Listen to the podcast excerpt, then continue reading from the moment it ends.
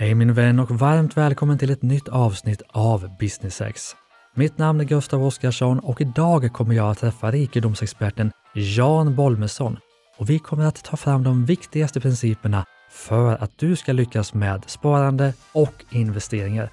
Bland annat kommer vi att snacka om varför fondrobotar är bättre än att försöka själv, hur höga avgifter kan äta upp stora delar av din avkastning, hur du hittar rätt risktolerans mellan aktier och räntepapper, hur du sparar med bäst skatteupplägg och hur du enklast dubblar din insats, bland mycket annat.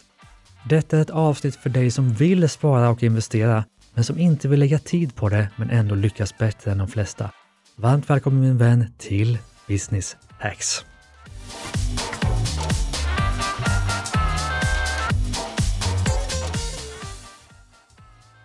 Varmt välkommen tillbaka till Business Hacks, Jan Bolmesson. Tack, tack för att jag fick komma tillbaka. Ja, men det är ju jättekul. Senast så pratade vi om hur man blir ekonomiskt oberoende och eh, det har kommit in väldigt mycket frågor och avsnittet senast var väldigt, väldigt uppskattat. Så vi har ju lite nya idéer här om vi ska, vad vi ska prata om idag, men först måste jag ändå komma in på, vi hade en liten förintervju här, då pratade du om 16 weeks of hell. Ja, vad är det för någonting? Precis, precis.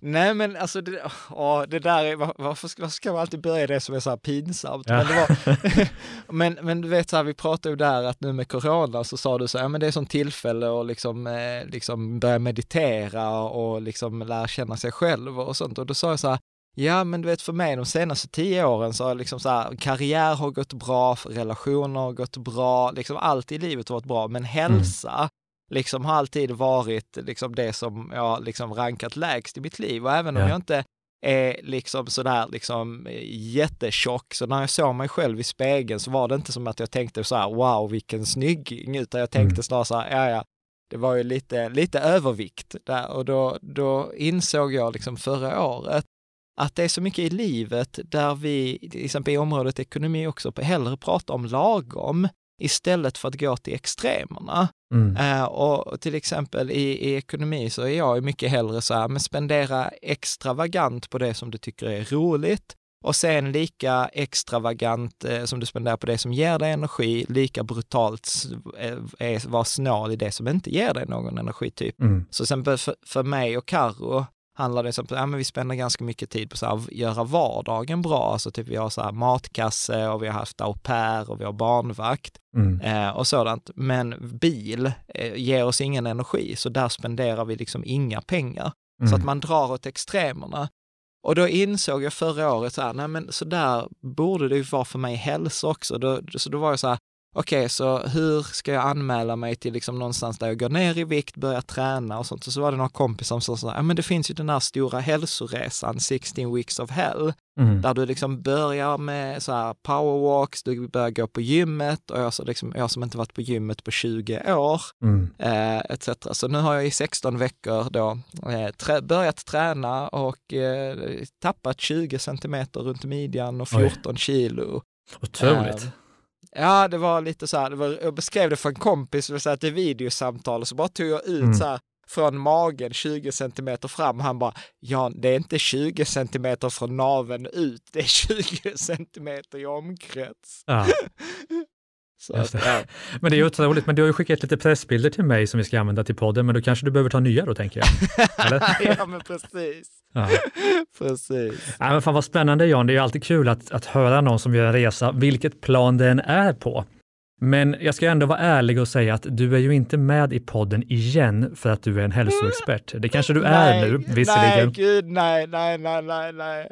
Jag, jag, jag, är väldigt duktig på att äta glass till exempel. Men du, eh, Jan, du driver ju Rika Tillsammans, eh, Sveriges, ja. tror jag i alla fall, största privatekonomiska blogg. Eh, visst är det så? Yes, yes, så är det. Och vill man veta mer om dig så finns det ju ett avsnitt innan där vi har gått in mer på vem du är. Jag tror det heter Så blir du ekonomiskt ja. fri eller liknande. Toppenavsnitt, så lyssna på det i Business Hacks. Men idag ska vi snacka om någonting annat. För efter avsnittet senast så är det egentligen två typer av frågor jag har fått från lyssnarna om det avsnittet. Och det ena är att man vill gå in djupare på principerna för investeringar och sparande. Hur ska man tänka? Man ska avsätta 10% efter varje lön, man ska hålla på med låga avgifter. Vilka principer finns det som man ska hålla i handen vid investeringar och sparande? Det är det första. Mm. Och det andra är att väldigt många är nyfikna på de här olika fondportföljerna som du har tagit fram och som ni jobbar med mycket på, eh, på bloggen. Så det är egentligen de två frågorna jag vill liksom djupdyka i och min idé är att vi gör, istället för ett långt avsnitt som snackar lite om ditten och lite om datten, så gör vi två korta avsnitt där vi går in liksom bara på tjoff, tjoff, tjoff, så löser vi de här ämnena och så har alla en, liksom en, en eh, checklista för hur man gör enligt Jan Bolmesson. Vad tror du om det? Mm, ja, det kör vi på. Det blir skitbra. Jag, jag, jag litar på dig Gustav. Ja, men jag litar på dig. Eh, ja. Verkligen. Så att det här första avsnittet då som vi gör med Jan kommer att handla om de viktigaste principerna för sparande och investeringar. Och sen så kommer du att kunna få lyssna på ett avsnitt till, du som lyssnar, om just Jans eh, fondportföljer och hur han har byggt upp dem. Men du, eh, låt oss då gå in direkt på principerna som finns. Både de principer du använder, det finns säkert principer som jag använder och som vi kan hitta i litteratur och hos andra experter med. Men låt oss gå in på de principer som finns när det gäller sparande och låt oss tänka att det är gemene man eller gemene företagare som lyssnar, kanske inte de som håller på med coola investeringar i startups, utan mer när man ska investera på börsen i aktier, och fonder och obligationer och vad det nu kan vara. Va? Jag tror det är där vi ska, mm. vi ska landa och det är också ditt huvudämne, även om jag gillar att snacka, snacka startups också. Det, det, kan, det, vet du vad, det kan vi ta ett tredje avsnitt vid Det kan nog komma ett, ett fjärde avsnitt, har, absolut. precis, jag har en del åsikter i det området också. Exakt. Och snart, snart kommer podden heta Gustav och Jan snackar ekonomi istället. Men, men var ska vi börja? Vilka principer liksom tycker du att de här, det här är de viktigaste? Jag skickar bollen till dig.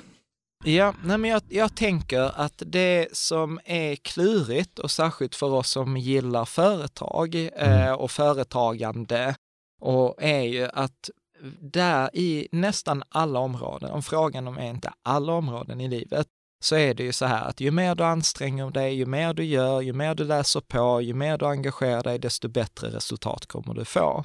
Så att liksom, där finns en perfekt eh, korrelation mellan liksom, erfarenhet, nedlagd tid, eh, kompetens och resultat. Problemet är att i sparande så finns inte den korrelationen. Mm. Utan i sparande så är det snarare att den som är oengagerad, eh, passiv, lat, eh, inte intresserad, den som kommer tjäna mest pengar. Mm. Och, och, och det där är väldigt, väldigt ointuitivt. Det är väldigt, väldigt svårt för oss att ta in. Och naturligtvis för några kommer det vara så här, gud vad skönt, då kan jag driva mitt företag och så kan mina pengar jobba vid sidan. Vilket mm. jag hoppas är det man tar med sig eh, från det där. Och det är inget jag har liksom hittat på som någon marknadsföringsgimmick, utan detta finns det väldigt mycket stöd för i, i forskningen. Mm. Varför är det så? Uh, oj, alltså det, det, man har ju fått Nobelpris för, för det här liksom. Mm. Men i, i, i korthet så handlar det om något som kallas för paradox of skill. Eh, som betyder att när alla är väldigt, väldigt duktiga eh, i, en, eh, liksom i ett sammanhang så får du eh, liksom väldigt lite betalt för den skickligheten, utan man får liksom ett, om vi säger till exempel ett pokerspel, mm. så får du betalt på den relativa skickligheten mellan den som är bäst och den som är sämst. Mm. Och eh, när alla blir bättre så minskar det liksom spannet, vilket gör att kommer det dit som är en som är ännu liksom skicklig så spelar inte det så himla stor roll. Så att det där är liksom en stor, stor anledning eh, och man kan se det, det finns en jättebra bok eh, av en eh, amerikansk professor som heter just Paradox of Skill. Jag har ett långt ämne på det på, på bloggen också. Mm. Man kan se det till exempel i maraton, eh, lopp till exempel i, i OS 1930. Då sprang vinnaren tror jag på tre timmar och sen den som kom på 20 plats sprang på liksom en timme senare. Mm. Medan ma maraton i OS då, vad var det, 2016, då var skillnaden sex minuter mellan den som kom på första plats och den som kom på 20 plats. Så mm. den relativa skillnaden mellan första 20 har minskat och när den relativa skickligheten minskar så eh, spelar liksom, för att alla har blivit mycket, mycket bättre. Så att det, det är väl liksom en kort förklaring. Så att vad det handlar om när det gäller i sparande, om man översätter det till investerande, så mm. handlar det om att om du köper, liksom, du kan inte veta vilka aktier som kommer gå bättre än andra i framtiden. Du kan inte utnyttja andras misstag eftersom alla andra är också skickliga, liksom de här maratonlöparna. Mm. Så det bästa du kan göra som småsparare är att köpa alla aktier som finns och då kommer du ha liksom vissa som går bra, vissa som går dåligt. Men, eh, och några av de som kommer gå dåligt kommer liksom att eh, tas ut av de som går bra och det som du har kvar är liksom genomsnittet för hur det går för marknaden. Och då har liksom studier visat eh, att 99,4 procent av alla deltagare i marknaden, alltså professionella fondförvaltare över en 30-årsperiod, slår då inte en sån här indexstrategi, det vill säga där man bara köper allt utan, ur, utan urskiljning. Så, så att på det sättet, det bästa man kan göra det är att köpa allt och det behöver man inte ha någon kompetens för. Mm. Och det kan exempelvis vara en global eh, indexfond? Indexfond eller fondrobot. Jag mm. brukar ju rekommendera en fondrobot. Eh, och en fondrobot är de facto en global indexfond, men en fondrobot är ett, ett företag som har en tjänst, de bara säger så här att okej, okay, hos oss kan du liksom bara spara på en strategi, alltså den här globala liksom indexfondstrategin.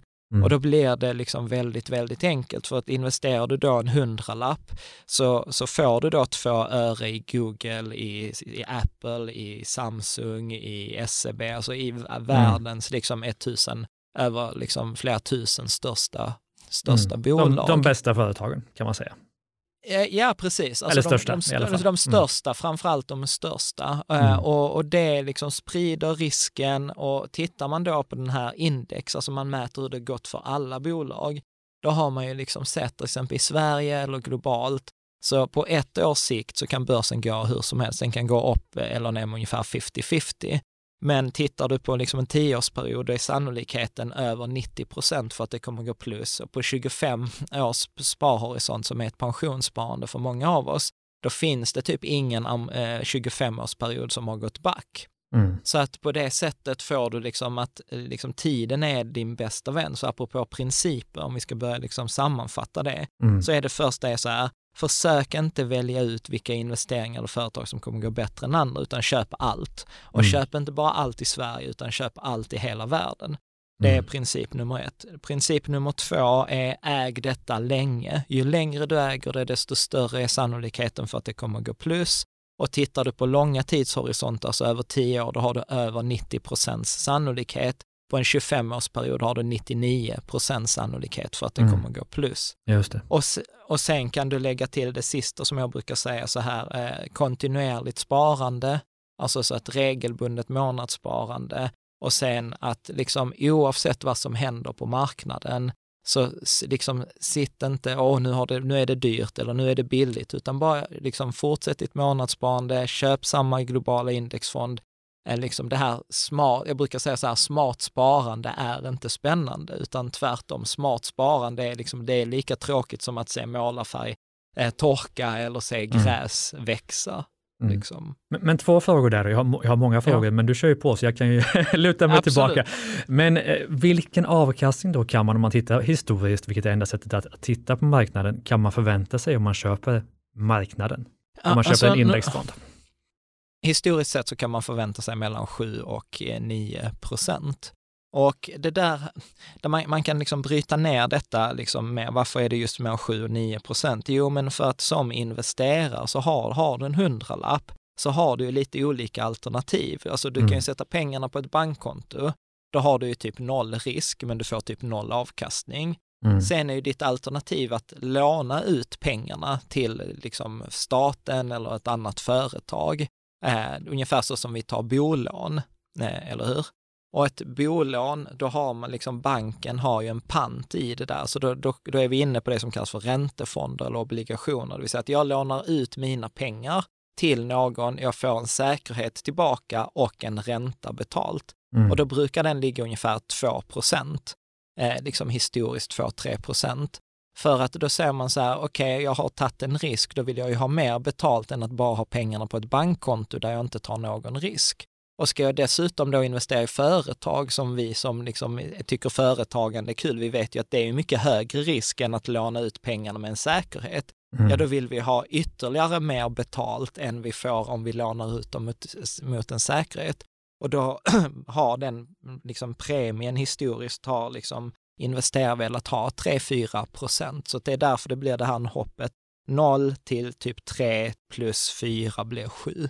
Så Mm. det är ganska rimligt att räkna att även i framtiden så kommer man ju vilja ha mer betalt för att man tar mer risk och att investera i företag är ju mer riskabelt än att låna ut pengar till någon som ska köpa ett hus. För Mm. du kan ju alltid ta huset om de inte betalar. Absolut. Men det är fantastiska principer, vi kommer ju in på fler naturligtvis, men låt oss hoppa tillbaka ett steg. För på något sätt så måste ju allt ett sparande, investeringar börja med att man sätter upp ett mål och en plan, tänker jag. Är det inte så?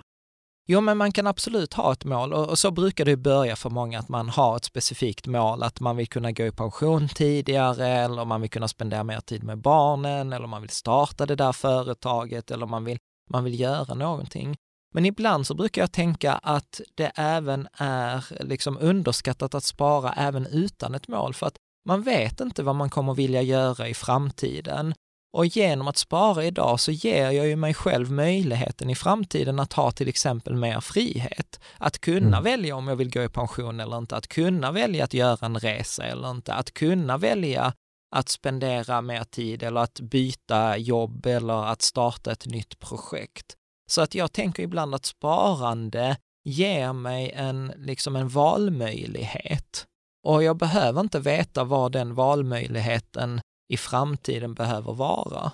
Mm. Eh, Jag vet inte om det var liksom lite abstrakt. Men jag förstår vad du menar, men även om man då inte har ett mål så behöver man ju ändå sätta in pengar så att säga i, i de sparandeformer som man nu väljer. Och där finns det ju en princip, jag tror att första gången den blev känd, eller första gången, den äldsta boken jag har läst om det i alla fall, här att man sätter av 10% av lönen till, till sparande utan att man egentligen ser de 10 procenten. Hur viktig är den principen? Men jag, jag skulle väl säga att den är väl en superbra princip om i, i brist på något annat. Och, Mm. liksom, och sen gillar jag ju, det finns ju något som eh, man kallar för så här Lindy-effekt. Och Lindy-effekt Mm. säger så här att ju äldre ett råd är, eller liksom så här, desto mer sannolikt är det att det kommer funka även i framtiden, för det har liksom Mm. bestått sitt eh, tidens tand. Mm. Så att, eh, och, och liksom många sådana här religiösa skrifter pratar ju om just ett tionde. Eh, så att det är väl ett jättebra ställe att börja på. Kan man inte spara Mm. 10% av sin lön, börja på en hundralapp eller börja på 5% eller börja där du vill. Eh, och har man möjlighet att spara mer, ja men spara mer. Men Mm. liksom 10% brukar väl vara något sånt där som de flesta eh, säger. Mm. Och, å andra sidan så brukar jag säga så här att lite beroende på var man är i sin sparkarriär så kan ju det också vara så här för mycket, alltså att man sparar Mm. 10 procent. Att, eh, för att jag, jag brukar alltid ställa till mina gäster när jag har i podden, brukar jag alltid ställa så här, den här frågan, så här, vilket är det sämsta rådet du brukar höra i finansbranschen? Mm. Uh, och då var det en gäst som sa just det här månadssparande. Jag bara, "Åh, du kan ju inte säga månadssparande, det har jag sagt i 15 Ja. år som ett av de bästa råden. Och då sa han så här, jo fast han sa så här, om du har sparat så mycket genom ditt liv att du dör och där är massor av pengar på kontot, Mm. då kan man ju fråga sig om du verkligen har prioriterat rätt. Var det Mm. verkligen värt att tjäna alla de där extra pengarna, att spara alla de där eh, tusenlapparna, när du egentligen kunde spendera den tiden med din familj eller med saker som kanske hade gett dig en annat värde. Så Mm. att, så att jag, ibland så tänker jag att vi, vi, vi fokuserar så mycket på just de här pengarnas värde, att vi inte tänker så mycket på vad ska de användas till. Mm. Eh, Så att jag, jag börjar mer och mer luta åt att man ska spara, samla på sig så många nötter som man behöver. Sen kan man ha några extra i buffert, men du behöver ju inte fler nötter än du behöver. Mm. Liksom. Eh. Så att nå, någon slags, eh, liksom att fundera att ibland våga unna att ta fram den där kalkylen och säga så här, nej men jag behöver bara så här mycket pengar och då gör att jag hade till exempel en läsare, han var så här, nej men jag vill gå i pension när jag är 55, det kommer göra att jag har en pension på 15 000, det är inte jättefett med en pension på 15 000, men jag klarar mig med mina utgifter. Och jag visste, jag hade kunnat jobba tills jag är 68 och ha en pension på liksom 35 000. Men vad, mitt liv kommer inte bli rikare. Alltså så här, jag spenderar inte liksom så mycket pengar redan idag. Jag vet inte riktigt varför jag ska göra det i pensionen. Och då Mm. är det viktigare för mig att ha de här 12 åren eh, nu, medan jag är frisk och jag är kry och jag kan ha mina barn runt om mig. Mm. Eh, vilket jag tyckte var så här sjukt coolt. Och sen Mm. har jag liksom mina kompisar som är så här, ja men jag har 100 miljoner och vi vill ha 150 000 i månaden som Mm. budget innan vi går i pension. Och då är jag så här, fine, men då har man gjort ett medvetet val och jag tror att Mm. det är det medvetna valet som är det viktiga. Just det. Men hur som helst, då, det vi ändå behöver landa i tror jag, det är ju att man i det här fallet vill spara eller investera pengar. Och man kan ju förvänta sig en viss avkastning beroende på vilka, Mm. ska man säga, ja, eh, tillgångar man investerar i. Det vi har egentligen pratat om räntefonder, vi har pratat om eh, aktier. Vilka mer finns tillgängliga? Vilka, eh, Alltså jag, jag, jag, alltså jag skulle faktiskt säga att det räcker där. Alltså för den som är Ja. ny så Mm. är det egentligen inte svårare än att liksom så här, googla fondrobot. Eh, Jag själv gillar till exempel, jag vet inte om du har så sponsrade länkar till dem, till exempel Lyse eller Opti, det är de jag själv mm, eh, använder. Eh, och ta de här 10-15 minuterna, sätta upp ett sparande där, då får du den här globala indexfonden, du får den här spridningen i alla världens bolag, du får Mm. den här spridningen i räntefonder, så att Mm. du har den här balansen. och vilken balans ska man välja där? Den är viktig att ställa sig. Alltså väljer du en sån här till exempel Lyse eller Opti så Mm. hjälper de dig med den balansen. Men Mm. eh, i, i grunden så handlar ju det om tidshorisonten. Mm. Så att de kommer hjälpa dig automatiskt, men vill man ha någon slags tumregel så brukar jag säga så här 10% i aktier per år då, sparhorisont. Mm. Så att kan jag låta, jag ett mål som ligger sex år fram i tiden, då Mm. kan jag unna mig att ha 60% aktier och 40% räntor. Har ett mål att pensionsspara till, till pensionen som är 20 år framåt, ja men då är det liksom 10 det är max 100 aktier, ja men då tar jag full risk. Och sen Mm. Månadssparar man i det, låter det vara, man slutar logga in, man slutar följa hur börsen går. Och sen loggar man in om tio år och så blir man positivt överraskad och säger så här, oj vad mycket pengar det var. Mm. Liksom. Så man ska inte titta på det, helt enkelt. Precis, och där är en matematisk förklaring till det där också som vi pratade om, att tiden är din bästa vän. Ju längre Mm. tid det går mellan att du loggar in, desto större är ju sannolikheten att du har samlat på dig fler plusdagar Mm. än minusdagar. Så att där är liksom en, en mental grej i det där också. Så jag försöker ju att bara logga in kanske två, tre gånger om året. Mm. För då vet jag att då är det stor sannolikhet att det har gått upp sedan förra gången jag loggade in. Och det som jobbar för dig, det är den så kallade ränta på ränta-effekten. Kan du förklara den Ja. för lyssnarna? Uh, men rä- ränta på ränta-effekten handlar ju om att jag brukar ibland tänka på ränta som att det är pengarnas lön. Att de flesta av oss, vi kan ha liksom, är vana att vi ska jobba hårt för våra pengar, men Mm. vad vi glömmer bort är att pengarna kan jobba hårt för oss. Och om jag då har en hundralapp som jobbar åt mig, då har ju den till exempel en ränta på, säg 10 procent för det ska bli enkelt att räkna. Mm. Då är ju räntan den lönen den här hundralappen har tjänat ihop och då är den på ett år till exempel 10 kronor. Nästa år när jag sätter då de här pengarna i jobb, ja då sätter, har jag inte 100 kronor som jag kan sätta i jobb, då har jag 110 kronor i jobb. Mm. Eh, och så 10 procent, ja då blir det plötsligt 11 kronor. Så då har jag fått den där extra elfte kronan är ju ett resultat av ränta på ränta. Det är en ränta, det är en Mm. lön som den har fått tack vare den där förra årets lön. Mm. Och låter man pengarna jobba länge, för pengar är lite trögstartade. Jag brukar säga att pengar är ungefär som vi på jobbet. När man är ny så är man så här, det är lite klurigt med chefen, kaffemaskinen är lite konstig. Eh, men låter man liksom pengarna jobba länge så blir de befordrade och de blir chef på jobbet och de tjänar in mycket pengar. Eh, och då till exempel om vi pratar då 7% som jag sa innan, det betyder att pengarna dubblas ungefär vart tionde år. Mm. Så att om jag har liksom 100 000 kronor i år, så om jag bara sätter en sån här fondrobot, det gör, börsen fortsätter göra sina 7% om året i genomsnitt, ja då blir det 200 000. Tio år senare blir det 400 000, tio år Mm. senare är det 800 000, tio år senare 1,6 miljoner och så Mm. ökar det så här oavsett belopp. Just det. Ja, men det är en otroligt viktig princip och en annan viktig princip eller en, ett tankesätt eller en, jag ska man säga, att komma ihåg i alla fall, det är ju att titta, försöka hitta låga avgifter och det gör man ju bland annat genom fondrobotarna och komma ihåg att banker och försäkringsbolag och alla i den här branschen egentligen är ju säljare och det är ofta avgifterna som äter upp väldigt mycket av avkastningen, så den måste man ju alltid ha med sig, eller hur? Precis, och jag brukar ju säga så här att eh, max försöka, jag, jag gillar ju till exempel Lysa som jag var inne på, de ligger på Mm. 0,4 procent i avgift. Mm.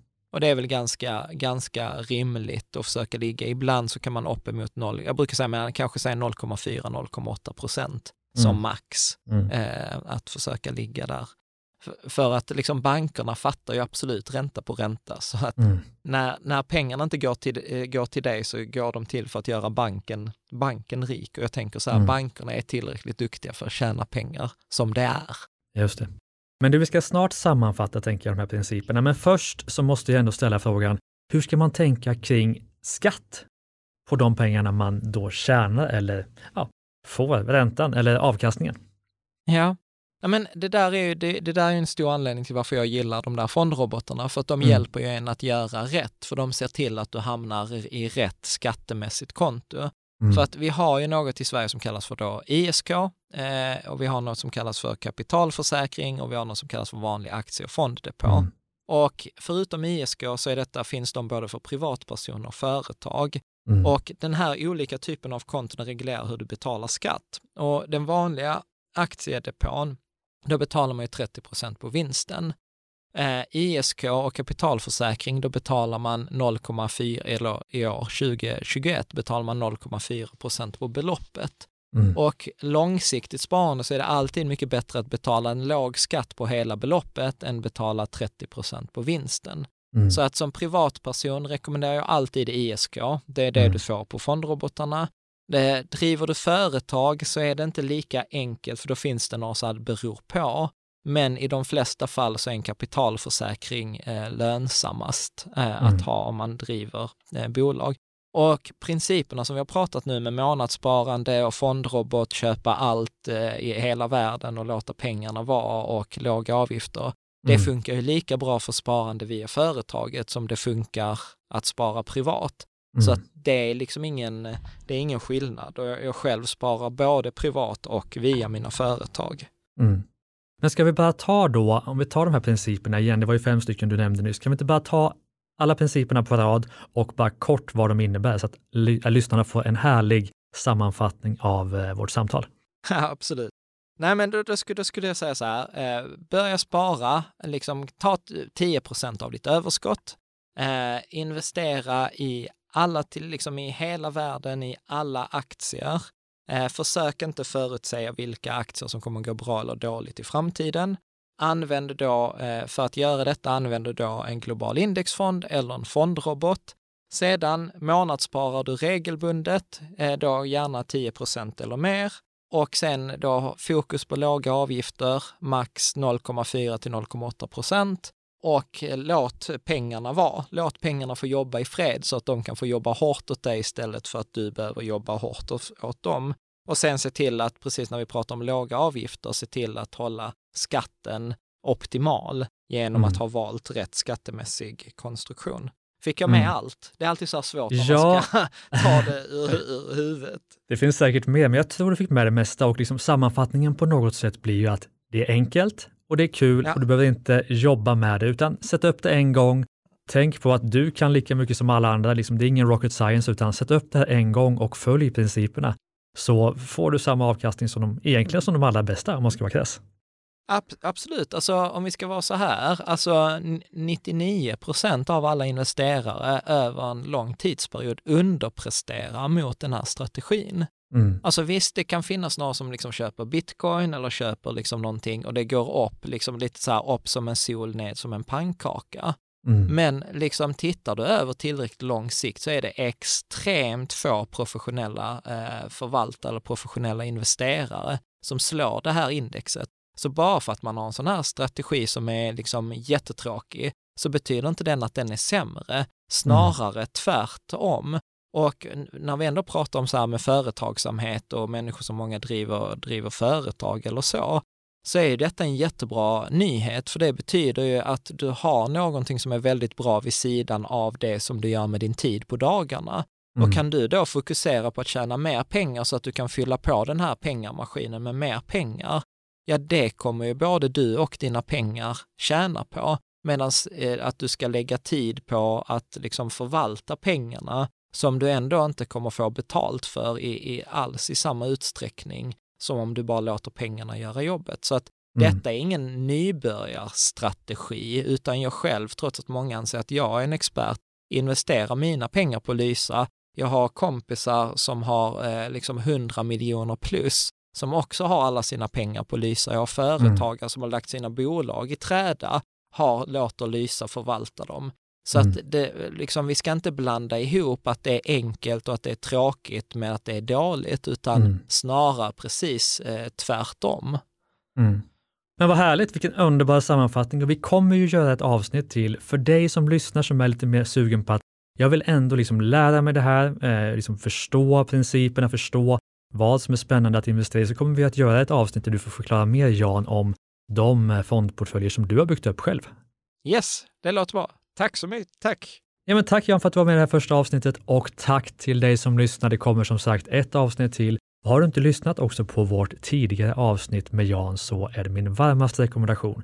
Du hittar ju alla våra poddar såklart, Starta eget-podden Business Hacks och Ordinary People Who Do Badass Things där poddar finns. Stort tack för den här gången. Hej!